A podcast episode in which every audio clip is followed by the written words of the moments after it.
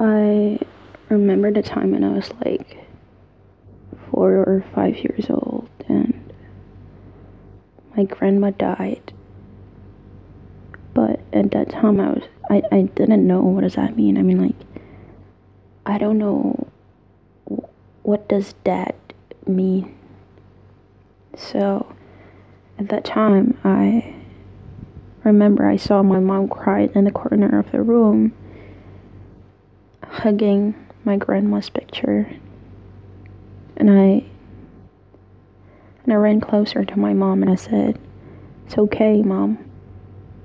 But I don't know I don't know what to be okay about. I mean like I just said that because I wanted my mom to cry because I I didn't know that being dead means that you're not going to see that person forever. And then I remember the time that day when she was about to be buried. And at that time, my mom, she lifted me up and she faces me down to my grandma. And then she told me to wake grandma up, and I said, Wake up, grandma. Because I didn't know that she was dead and she's she's like gone forever. I didn't know about it. At that time I I remember how it was hard. It was so hard to feel sad about it. I didn't know why the time that I knew that dead means that you're not going to see her forever. It's like I really wanted I just really want to feel sad, but I couldn't at that time because after she died, the night after that, I I remember that I met her in a dream saying that she was okay with everything, and I know at that time, and I was so sure that she's going to be okay and she's going to be perfectly fine wherever she is.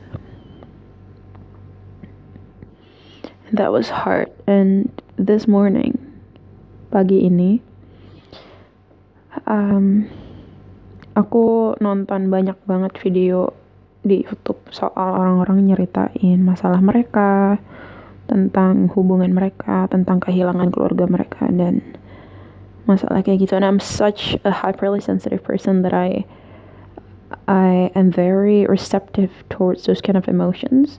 So every time that people tell me about their problems and stuff like that, I would I would just easily receive them in a form of energy inside of me, and I would just channel that channel it out in like being emotional and stuff and i'm so sorry if it if this podcast actually sounds very sad but i just want to really tell you guys how hard it is to be a hyper sensitive person and, and how how you really you really like being a good listener. But at that time when people try to like channel out their problems and stuff like that you would easily receive it and form it as like an emotional baggage that you have to carry everywhere. And it's hard sometimes if you don't have any like place to channel it out even though i do find mind in writing um, painting music and stuff like that but sometimes you just you just have to feel it and just just just embrace the emotional baggage that you have you know? It's times like this where I'm currently laying down in my bed and I'm just I'm thinking back of what just happened because I cried the whole time that I watched the video and it was it was hard. It was hard because I had to carry everything alone and at that time I I always felt drained out and it's yeah, it's just those kind of moments that happen, you know, but that's not a point that I'm going to talk about today. It's I'm just gonna let you know like how precious your second now in breathing. Kayak seberapa berharga kamu bisa bernafas di detik ini juga gitu loh. Ini satu detik yang kamu bisa gunakan sebaik-baiknya untuk menyebar kebaikan, untuk sekarang nelpon orang tua kamu dan nanya kabar. Because you just don't know, you just don't know. Kamu tuh nggak tahu detik selanjutnya kejadiannya apa. Kamu tuh nggak tahu apa yang direncanain di atas selanjutnya seperti apa. Kamu tuh nggak tahu. And because of that, because of that uncertainty and because of that unknowing, you should have you, you should have put more values on the second that you have right now, you know, because this might be the last second. This might even be the last second that you breathe. This might be the last second that you ever see your parents or maybe your your best friends or maybe your teachers or anybody that is close to you. I just I just couldn't express how valuable the second is right now, you know.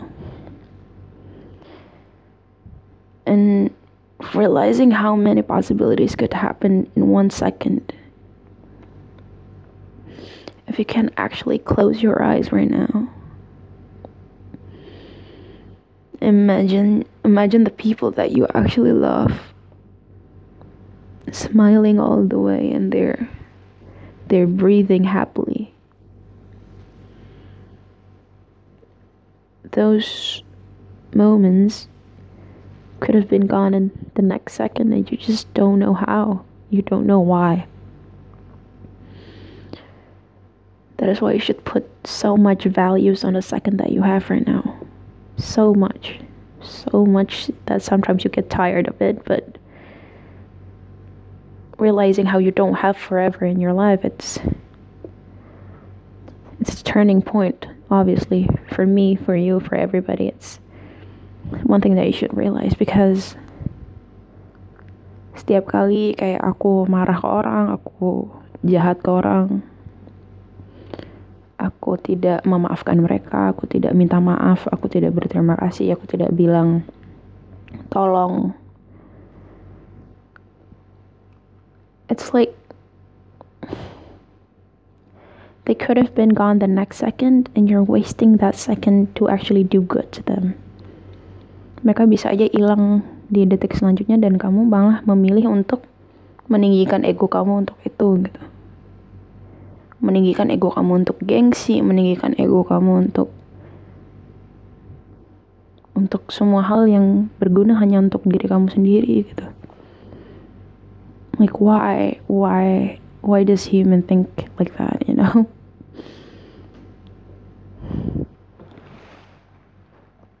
It's hard. It's hard. I mean humans are humans. We are we are allowed to be that egoistic we're allowed to be selfish at, at, at like certain times yes but if we decided to go like that in a long time and then at the end, we just lost a chance that we'd never had. You would end up regretting it your whole life because I never really got any chance to speak like that to my grandmas and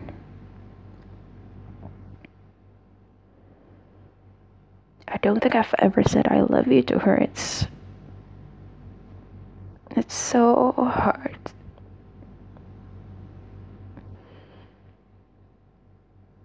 It's hard to imagine it like that. It's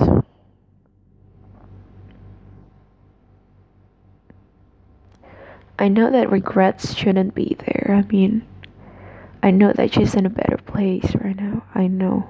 I know she is. But it's just being reminded of how many seconds I wasted with not telling her that I love her.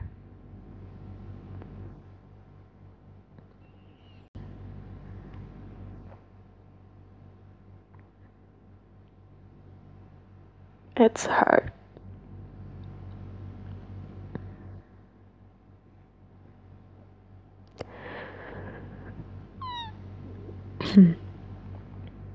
to my mom, to my dad, to to everybody that are priceless to me in my life. It's I just really wanted them to know that I love them no matter what. It's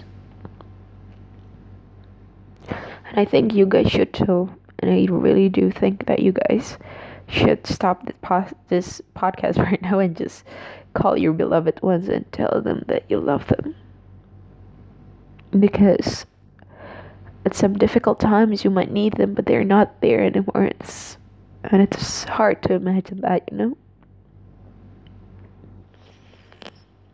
So take a moment, just breathe and close your eyes. Just talk to your ego if it's there. Just talk to it. If there is a selfish side of you, just talk to it, talk through because you just got to realize that you cannot make a second last forever. Yeah, that. Have a great morning, everyone, and good luck.